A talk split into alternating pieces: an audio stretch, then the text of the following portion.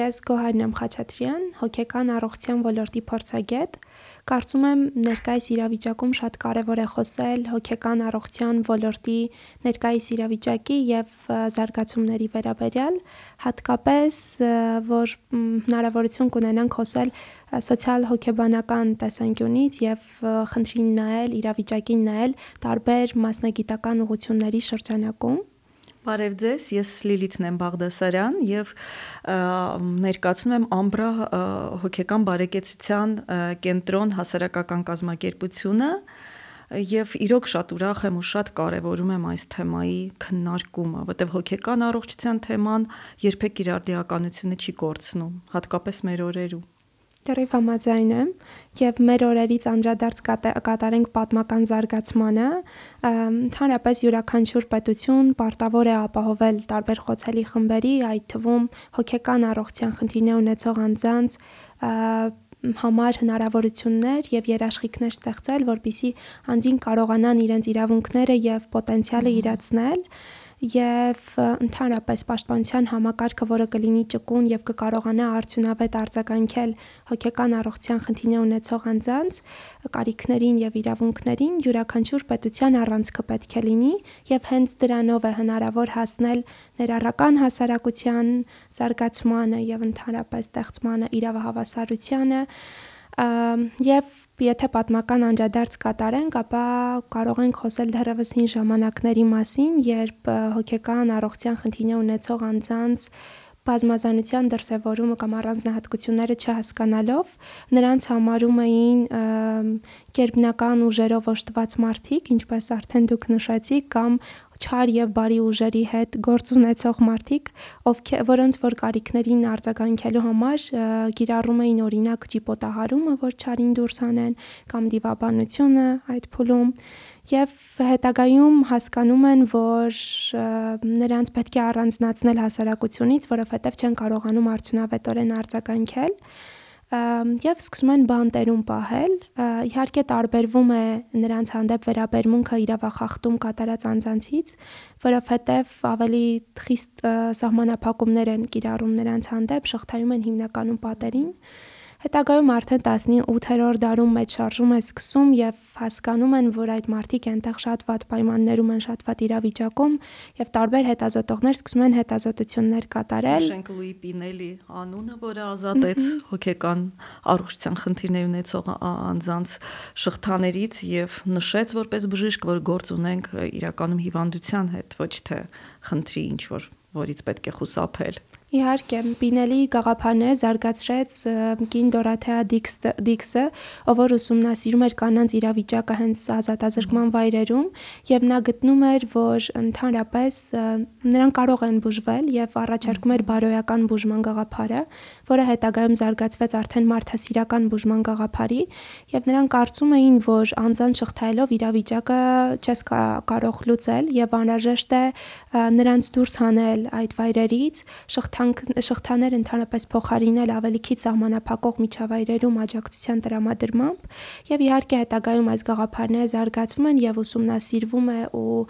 հիմնավորվում, որ մարդկանց օրինակ զբոսանքով ապահովելը, ընթերցանությամբ ապահովելը,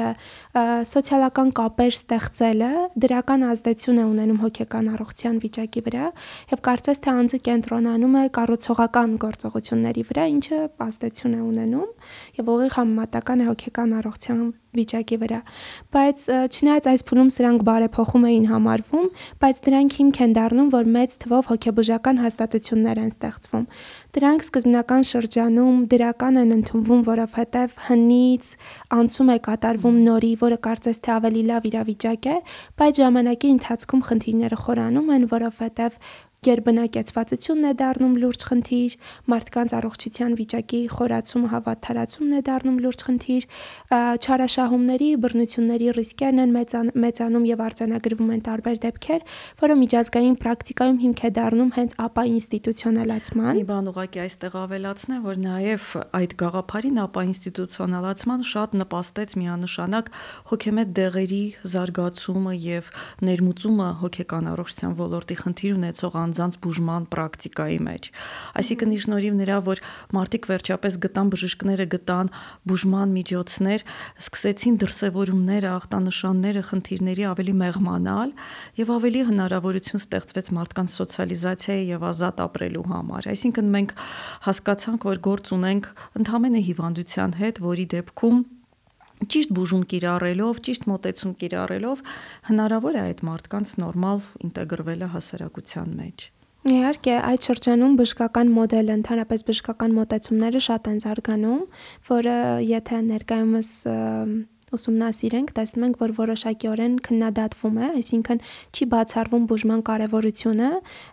մինչդեռ կարևորվում է նաև իրավունքի իրացման հնարավորությունների ստեղծումը, հասարակության հետ աշխատանքը, քաղաքականությունների ու ծրագրերի մշակումը, որոնք ուղղված են ոչ թե դիտարկելու անձին մեկ ով որ ունի խնդիր եւ դրա հետ պետք է որպես խնդիր աշխատել, այլ հակառակը դիտարկելու իր պոտենցիալը ուժեղ կողմերը եւ արկա իրավիճակը նայել որպես բազմազանության դրսևորում կամ անձի իրավիճակի դրսևորում, որին որտեղ ոչ անձն է, հա, մեղավոր, որ այդ իրավիճակում է, ոչ հասարակությունը, ոչ անձի խնդիրն է, ոչ հասարակության խնդիրն է, այլ դա իրավիճակ է, որին պետք է կարողանալ իրավունքահեն ձևով արձագանքել եւ ստեղծել պարզապես հնար հնարավորություններ բոլոր կողմերի համար։ Իսկ անդրադառնալով ապա ինստիտուցիոնալացմանը միջազգային պրակտիկայում արդյոք ինչ որ երկրների փորձ կամ հետաքրքիր տենդենսներ, որ ուսումնասիրել եք ապա ինստիտուցիոնալացման հետ կապված։ Իրականում այո, շատ հետաքրքիր ուղի է անցել ապա ինստիտուցիոնալացումը ամբողջ աշխարհում եւ կարելի է ասել, որ շարժումները սկսել են արդեն գաղափարները սկսել են առաջանալ 60-ականներին, իսկ 80-ականներին արդեն եվրոպական երկրներում եւ ԱՄՆ-ում հրճակվեց, հա 80-ականները որպես դեինստիտուցիոնալիզացիայի փուլ, իսկ հետո արդեն նույնիսկ ռեաբիլիտացիայի փուլ։ Այսինքն հասկացան, որ մեծ հաստատությունները միայն սահմանափակում են մարդկանց, հասցնում են ինչ-որ մի վիճակի եւ հետո արդեն սկսում են խանգարել զարգացմանը եւ սկսեց այսպես շատ massայական փակումը մեծ հաստատությունների Իտալիայում, հետո նաեւ այլ եվրոպական երկրներում, ԱՄՆ-ում որը շատ իրարամերժ կարծիքներ էր առաջացնում, սկսեցին տարբեր մոդելներ ստեղծվել, փոքր համայնքային տների, ցերեկային օգնության, ճգնաժամային կենտրոնների եւ հիմա մենք արդեն ունենք այնպիսի այնքան շատ բազմազան ծառայություններ, բայց դրանք էլ արդեն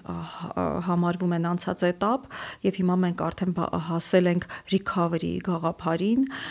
եւ recovery-ն իրեն իրենց ներկայացնում է ուղղակի ապակինում ավելի բարձր մակարդակի վրա, քան մենք կայինք միջև խնդիր ունենալը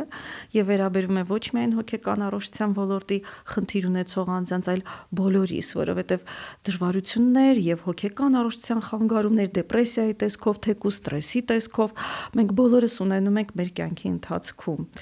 Իրականում Հայաստանը հիմա գտնվում է շատ հետաքրքիր իրավիճակում, որովհետեւ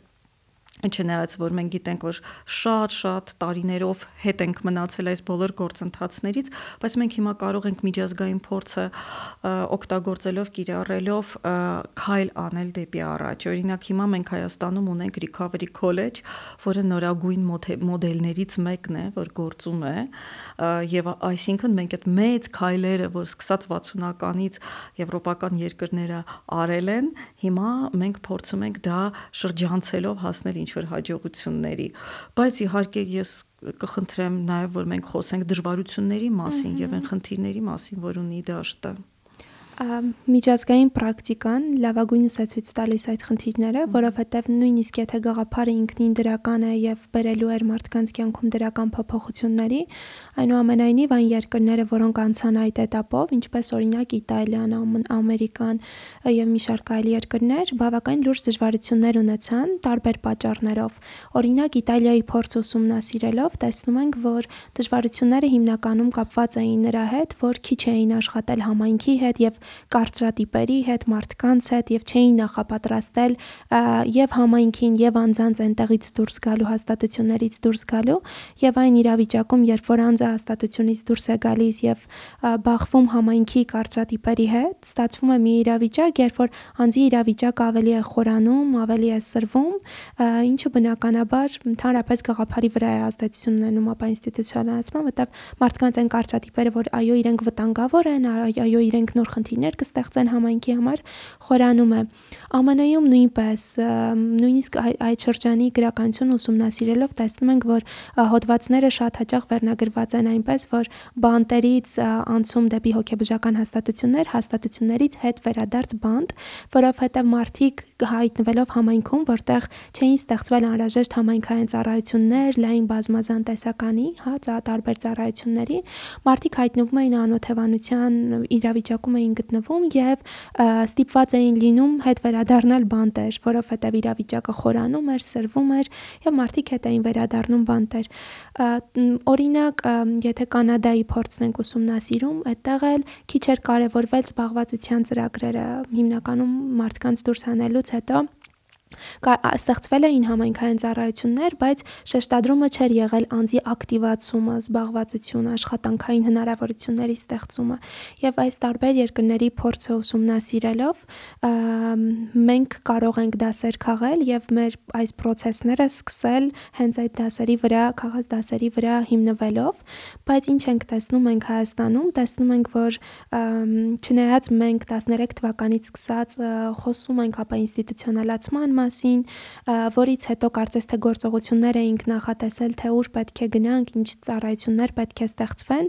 բայց դեռևս կոնցեպտը ամբողջովին ներկայացված չէ, լուրջ աշխատանքներ տարված չեն եւ ընդհանրապես այս գաղափարը միտում ունի ցախողելու, եթե լավագույնս պլանավորված, նախագծված եւ իրականացմամբ, հա, նախատեսված չլինի։ Այս մասով ինչ որ դիտարկումներ ունեք հատկապես քաղաքականության հետ կապված իրականում պետք է փաստենք ինչ ունենք այսօր։ Մենք ունենք երկու մեծ հաստատություն, որոնցում բնակվում են կարելի ասել բնակվում են, որտեվ շատ երկարաժամկետ ընթացքում գտնվում են խնամքի տակ հոգեկան առողջության խնդիրներ ունեցող անձինք, Վարդենիսում մենք ունենք 450 հոգանոց համայնքային ու համայնքային չի կարելի իրեն անվանել, այլ բանտատիպ տուն կարելի է անվանել, հա, եւ ունենք ձորակ կազմակերպությունը, ինչպես նաեւ բազմաթիվ մարդիկ հիմա նաեւ բնակվում են հոգեբուժարաններում, բայց իրենք ճունեն ակտիվ բուժման կարիք եւ գտնվում են այնտեղ ուղակի խնամքի համար, որովհետեւ ճունեն տուն կամ ընտանիքը պատրաստ չէ այդ մարդկանց ընդունել հետ, անգամ ընտանիք ունենալով։ Ինչ որ վերաբերվում է օրենսդրական դաշտին, ապա շատ մեծ ու լավ կարևոր շարժում սկսվեց եւ մշակվեց մի քանի նախարարությունների կողմից ռազմավարություն հոգեկան առողջության բարելավման ռազմավարություն 2014-19 թվականների համար եւ հետո աշխատանքի եւ սոցիալական հարցերի նախարարությունը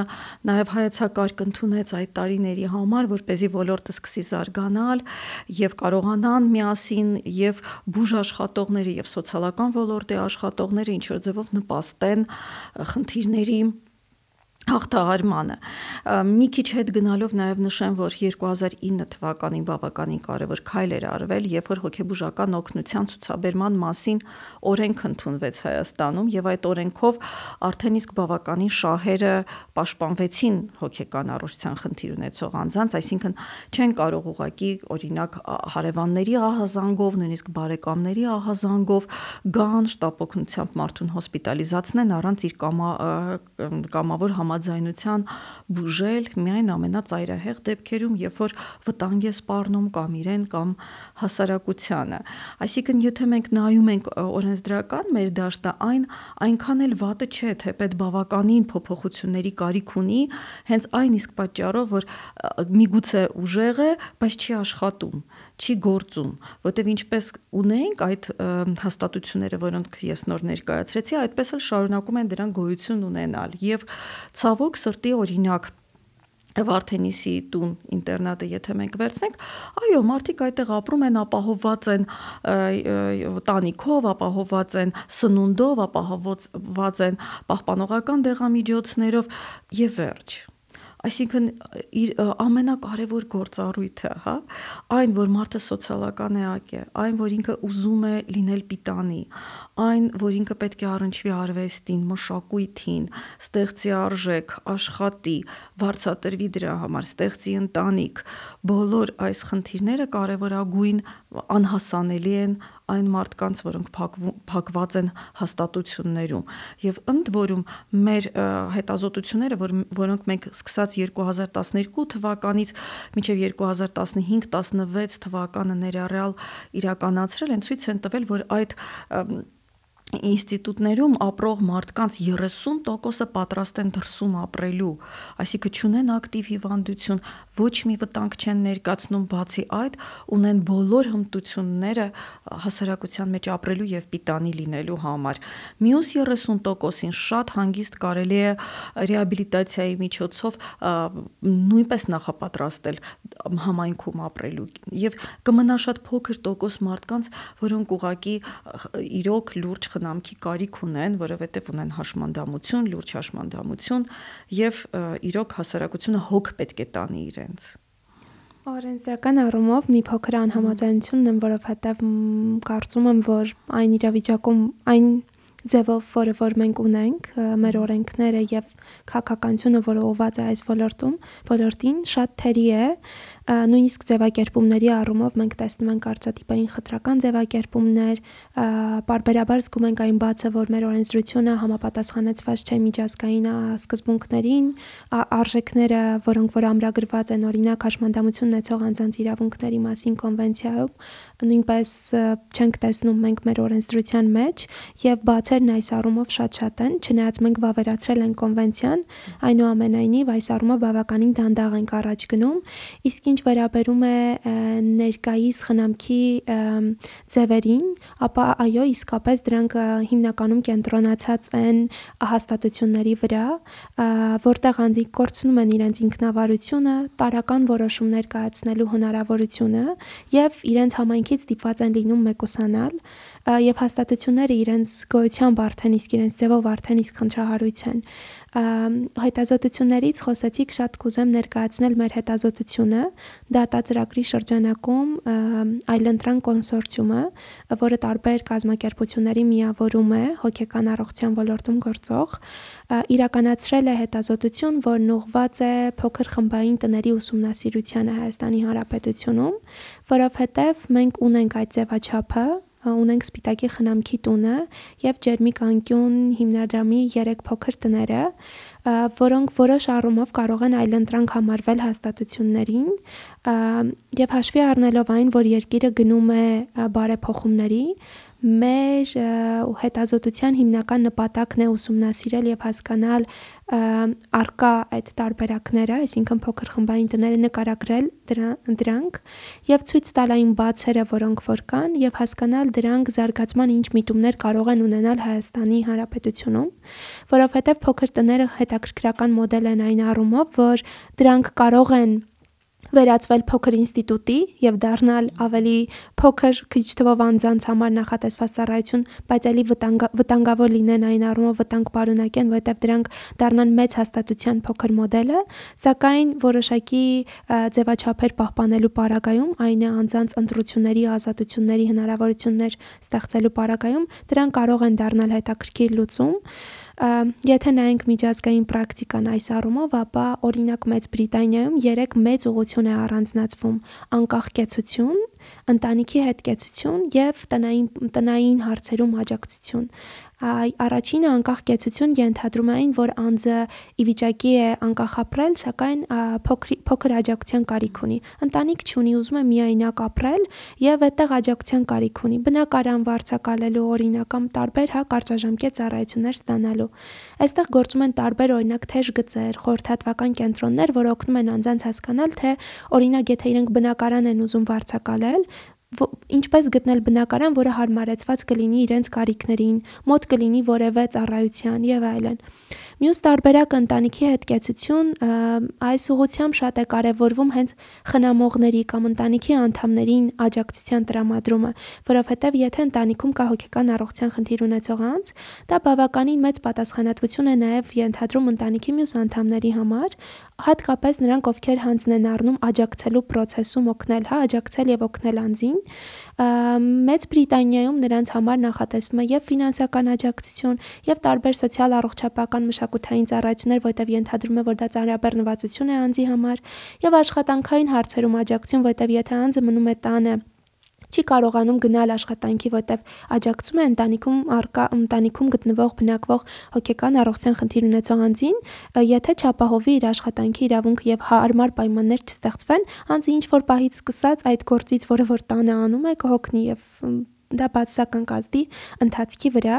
եւ երրորդ տարբերակը, որը շատ հետաքրքիր է, որը վերաբերում է հենց մեր հետազոտությանը,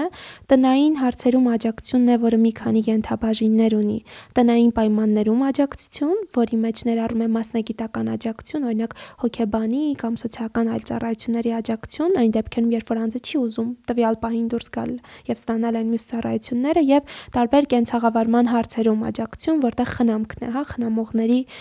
ինստիտուտն է զարգացած։ Մյուս պարագայում արդեն տարատեսակներ կան։ Մենք օրինակ Հայաստանում միայն ունենք փոքր տուն կամ խմբային տուն ենք ասում, բայց այնտեղ շատ մեծ տեսականի կա։ Կան օրինակ հոստելներ, որտեղ անձը կարող է մեկ սենյակ վերցնել, իր համար այնտեղ բնակվել եւ այնտեղ կա հսկիչ եւ աջակցող անձնակազմ եւ կդիմի միայն այն դեպքում, երբ որ ինքը կարիքը կունենա։ Կան բնակարաններ, որոնք շատ հարմար պայմաններով են վարձակալությամբ տրվում կամ տներ, մեծ տներ եւ անձը համայնքային մյուս ծառայություններից է օգտվում եւ մյուս կարիքները այդ ձևով է հոգում։ Մյուս տարբերակը, որը շատ հայտնի է, հենց խմբային տներն են, որոնք մի քանի տեսակներ ունեն շատ տարածված են եղել այդ անցումային տները, երբ որ հաստատություններից մարդկանց հանել են, տեղափոխել են խմբային տներ, որը որտեղ աշխատանք են տարել իրենց, օրինակ զբաղվածության հմտությունների, ունակությունների հետ, կարծես թե զարգացրել են զուգահեռ աշխատելով համայնքի հետ, ընտանիքի մյուս անդամների հետ, եւ որից հետո ապահովում են այդ տնից անցումը դեպի համայնք, այսինքն հիմնական նպատակը էլի դառնում է անկախ կեցությունը։ Կան օրինակ խմբային տներ, որտեղ անձ ունի իր սեփական բնակարանը եւ մեծ խմբային ծրագրի մի մասն է, որի գաղափարը փոխ փոխ օգնությունն է։ Մարդիկ, ովքեր ունեն նույն հիմնախնդիրները, կիսում են նույն կյանքի դժվարին իրավիճակը, այդտեղ են գտնվում մեծ կարծես թե ծրագիր է վերականգնման այդտեղ ստանում են այդ վերականգնման ծրագիրը եւ դուրս են գնում։ Կան ուրիշ տեսակներ խմբային տներ, երբ որ անձ ունի էլի իր սեփական տարածքը, կիսում է ննջասենյակը, սակայն կիսում է օրինակ հյուրասենյակը կամ մյուս ընդհանուր օգտագործման, հա, տարածքները եւ մեծ խմբային ինչ որ գաղափարի մի մասը չէ։ Ինքը այնտեղ կան ծառայություններ աջակցող, որից կարողանում է ինքը օգտվել իր սենյակում լինելով։ Մենք Հայաստանի Հանրապետությունում կարծես թե ունենք մի տեսակ, չնայած Սպիտակի խնամքի տունը տարբերվում է Ջերմիկանկյուն հիմնադրամի խնամքի տներից եւ մեր հետազոտությունը, որի արդյունքները շուտով կներկայացվեն ամբողջությամբ զեկույցի տեսքով, ցույց է տալիս, որ այս միատեսակ ընկալումը, եթե լինի պետության կողմից, շատ վտանգավոր կլինի, շատ խնդրահարույց կլինի, որովհետև հարկ է տարբեր տեսակները զարգացնել եւ չմիայն չկենտրոնանալ խմբային տան վրա, այլ այլ ընտրանքները զարգացնել։ Բայց ես գիտեմ, որ դուք Սպիտակի խնամքի տան ստեղծման նախապատմության մեջ մեծ ներդրում եք ունեցել, կուզեմ այդ փորձով կիսվեք։ Իրականում այ հենց այն ինչ որ ներկայացնում է, որ մենք գնահատել ենք բոլորին, ով խնամքի կարիք ունի, հա, դրանք 1000 մոտավորապես 1100 հոգու մասին է խոսքը գնում, որը շատ մեծ թիվ չի եւ իրականում որ խորը մտածեն կարելի է ինչ որ բան անել այդ ծառայությունների մեջ իրենց ընդգրկելու եւ արդեն իսկ այդ փաստորեն հետազոտության շնորհիվ ընտրեցինք այն 16 հոգու, որոնց սոցիալ հոգեբանական հմտությունները, առողջական վիճակը այդ պահին թույլ էր տալիս, որ իրենք տեղափոխվեն համայնքատիպ տուն, բնականաբար ակնկալելով, որ դա կլինի ընտանիքա տիպ տուն 16-ը մի փոքր մեծ էր, բայց մեր պետության համար դա միակ տարբերակն էր ընդունելի, որ կարելի էր անել եւ հիշեցինք, որ իրականում հին Հայաստանում եղել են մեծ ընտանիքներ, հա, որտեղ որ շատ երեխաներ են, օրինակ 10 զավակ է եղել եւ մտածեցինք, որ կարող է գործել եւ իրոք Սպիտակի խնամքի տան բացումից 1 տարի հետո մենք հետազոտություն իրականացրեցինք, որպեսզի տեսնենք ինչպիսի վիճակում են մարդիկ գտնվում եւ շատ կտրուկ մեծ տարբերություն գտանք եւ ոչ միայն իրենց զգացողությունների, հուզական վիճակի, ընդհանուր տրամադրության, այլ նաև առողջական վիճակի մեջ կար շատ մեծ բարելավում, այսինքն դեղորայքային իրենց պահպանողական բուժումը կրկնակի կրճատվել էր եւ դա ցույց է տալիս, որ իրականում այդ գտնվելը համայնքում, մասնակից լինել համայնքի կյանքին դա բավականին մեծ ձեռքբերում է եւ դա լավագույն մոդելներից մեկն է, որ կարելի է պատկերացնել, իհարկե շատ կատարելագործման տեղ ունի։ Եվ իրականում ես ինչի մասին կուզենայի խոսել, որ այն փորձը, որը դուք ներկայացրեցիք, այդ շատ տարբեր փորձերը, տարբեր համայնքային մոտեցումների, տարբեր մոդելների, իրականում մեծ մասից հիմա կամանց հրաժարվում են։ Ինչու՞, որովհետև տեսեք մենք ինչ ենք անում, մարդկանց դուրս ենք հանում, հետո կարծես թե փորձում ենք, վարժում ենք իրենց հմտությունները ինչ որ մի մոդելում, հետո նոր տանում ենք իրենց դեպի հասարակություն։ Իսկ ժամանակակից ամենաժամանակակից մոտեցումը այն է, որ անմիջապես պետք է մարդուն ինտեգրել հասարակության մեջ, ել չստեղծել միջին օղակներ, որովհետև միջին օղակը ինքը նույնպես սեգրեգացիա է, ինքը նույնպես ինչ որ ձևով անջատում է մարդուն հասարակությունից։ Եվ իրականում Հայաստանում մենք կարող ենք այդ անմիջական ինտեգրացիան ապահովել նրա շնորհիվ, որ մենք շատ ուժեղ ընտանիքի մոդել ունենք, մոդել մոդել, որը չկա ամբողջ աշխարհում օրինակ մենք այսպիսի մի օրինակ ունենք, որ Ուկրաինայում մի փոքր քաղաք կար, որի հետ այսպես կապ կար եւ ուրեմն բնակչությունը ընդամենը 1 միլիոն հոգի էր քաղաքում, իրենք ունեն 200 փակ հաստատություն, որտեղ որ մարդիկ խնամվում էին։ Իսկ Հայաստանը, ամբողջ Հայաստանը ընդամենը ունի երկու մեծ հաստատություն, հա, եւ մի շարք մանր տեղեր են պահված մարդիկ, այսինքն ինչի է դա հնարավոր, ինչի է այդպիսի մեծ տարբերություն, որովհետև հենց մեր հասարակությունը ինքը սիրում է իրականում ապրել ընտանիքով, այդ համայնք ասածը մեր մոտ շատ պահպանված է եւ հիմնվելով դրա վրա մենք կարող ենք հիմա ստեղծել այնպիսի մոդելներ, որ մարդիկ ուղակի դուրս չգան ընտանիքներից։ Օրինակ սկսենք հերթից, հա։ Սկսենք, որովհետև մենք գիտենք, որ աշխատանքի եւ սոցիալական հարցերի նախարարությունում կա հերթ, որտեղ որ ընտանիքները դիմել են, որ เป զի իրենց ընտանիքում բնակվող հոգեկան առողջության խնդիրներ ունեցող անձիկ գնան եւ ապրեն այդ բնակվեն հաստատություններում եւ հիմա իսկական ժամանակն է որ մենք իրոք ստիգմայի մասին մտածենք մենք այդ խտրականության մասին մտածենք եւ կրթենք ընտանիքներին ստեղծենք այնպիսի համայնքահեն մոդելներ ընդ որում նաեւ ցերեկային զբաղվածության աշխատանքային մոդելներ որոնք թույլ կտան ընտանիքներին եթե մենք մի փոքրիկ անգամ օգնություն ընտանիքներին ցուցաբերենք երբևիցե մեր հայ ընտանիքը չի հրաժարվի իր հարազատից, չի ուղարկի համայնքային ու այդպիսի փակ տներ։ Դա անում է ստիպվածությունից, որովհետև ուղակի սոցիալական խնդիրները եւ ընդհանրապես մոտեցման չիմացությունը, թե ինչպես մոտենալ խնդիր ունեցող անձին, այ դա դրթում է ուղակի իրեն ուղղորդելուն դեպի ինտերնատներ։ Այ օրինակ Նիդերլանդի փորձը լավագույնս է դա ցույց տալիս, որ իրենք ոչ թե տենց միջանկյալ ծառայություններ են ստեղծել, ինչը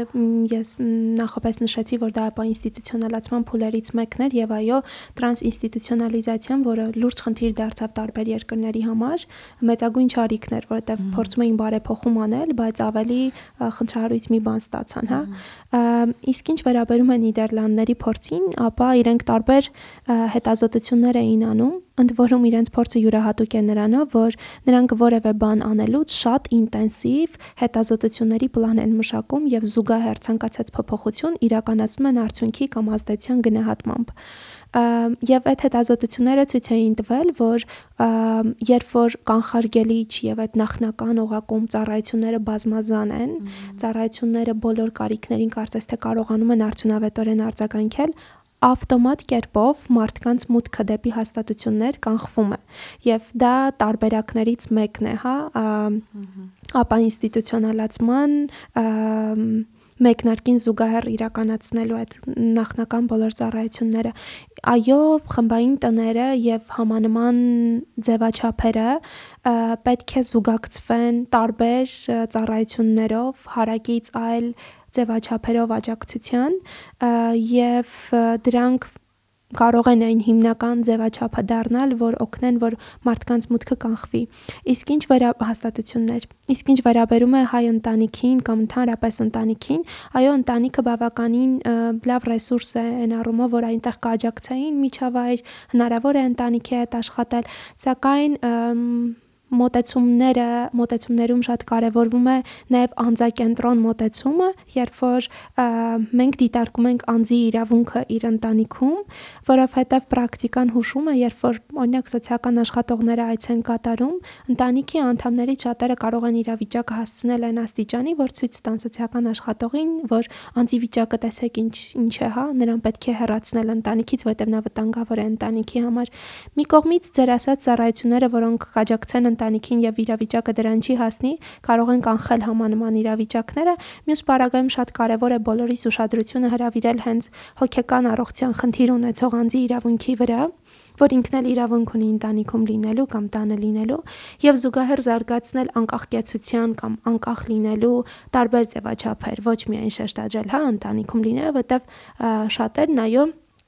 ուզում են անկախ ապրել կամ ուզում են մենակ ապրել, հավերժ կախվածություն չունենալ ընտանիքից եւ առանձին լինել։ Այ այս ձևաչափերի մասին մենք բավականին քիչ ենք մտածում եւ կարծես թե ներկայիս հա շեշտադրումներն ուղված են խմբային մոտեցմանը, խմբային ձևաչափերին, անհատին այդտեղ կարծես թե մենք կորցնում ենք։ Շատ լավ կլինի, որ աջակցային ու որոշումների ընդունման տարբեր ձևաչափերի մասին մտածենք, մշակենք եւ ներդնենք, որ անձը իր տարբեր ընտրությունները պայմաններում ու նաև ընտրության մեջ, թե ինքը որտեղ է ուզում ապրել, ինչ պայմաններում է ուզում ապրել, կարողանա համապատասխան աջակցություն ստանալ։ Այսինքն զուգահեռ սա էլ զարգացնենք։ Գիտեք, ձեր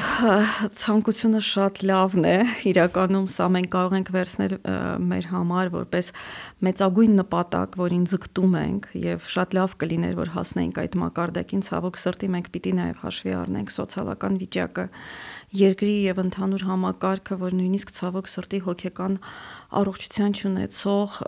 բավականին սոցիալապես ապահովված երիտասարդը անգամ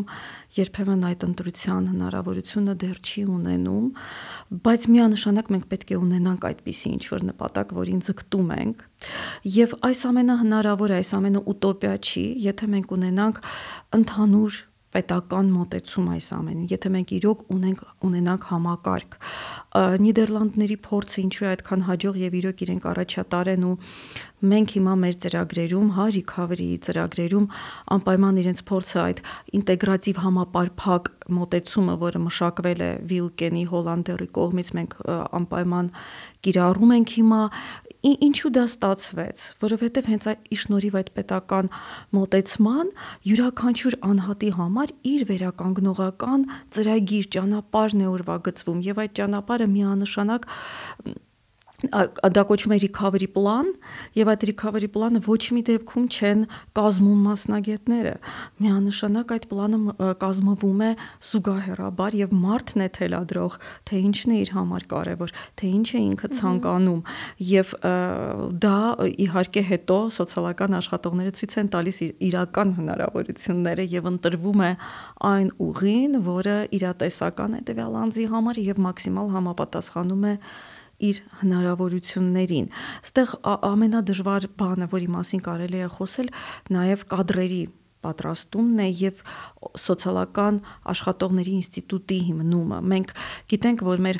եւ Երևանի պետական համալսարանը եւ այլ համ, համալսարաններ վերապատրաստում են, պատրաստում են սոցիալական աշխատողներ, բայց որպես կայացած պետական ինստիտուտ մենք չունենք սոցիալական աշխատողների ինստիտուտ եւ հոգեբանները եւս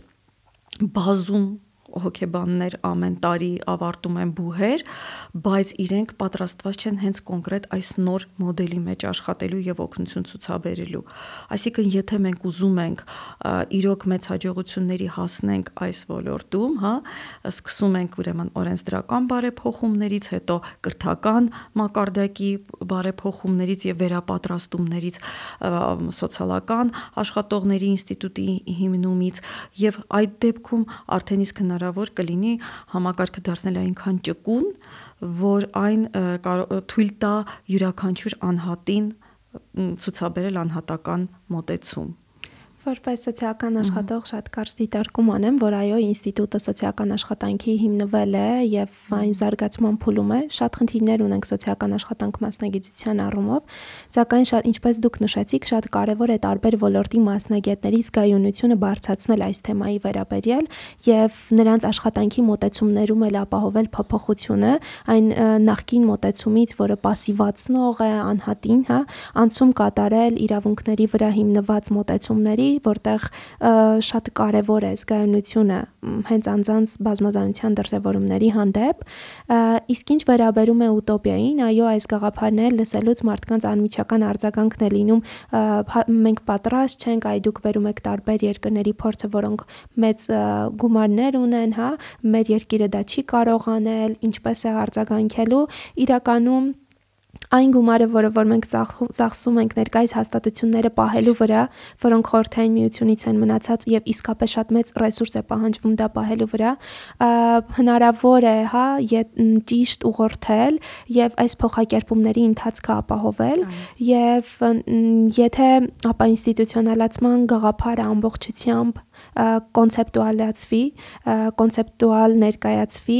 եթե տարբեր կառույցները, նախարարությունները, գերատեսչությունները, տարբեր սեկտորները համագործակցեն իրար հետ եւ խնդիրը դիտարկեն տարբեր տեսանկյուններից, եթե մասնագետների ընդհանրապես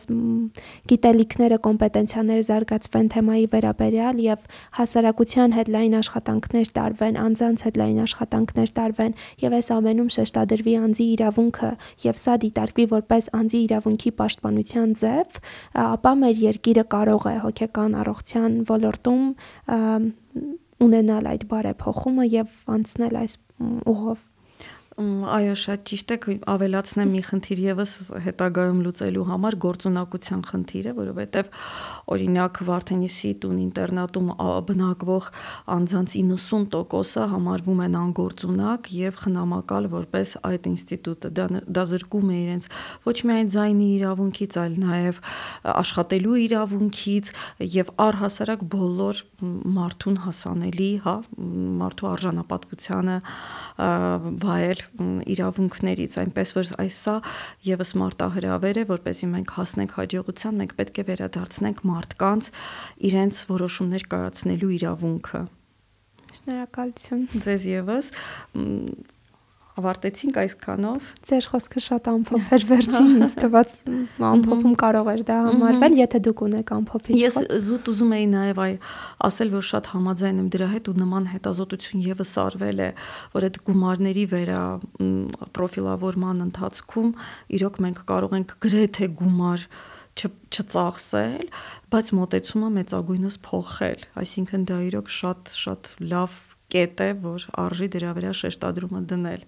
Գուցե անհատական մոտեցում չապահովի, բայց ամբողջ համակարգը կվերափոխի։ Այսինքն մենք բարդ ուղի ենք ընտրել, որին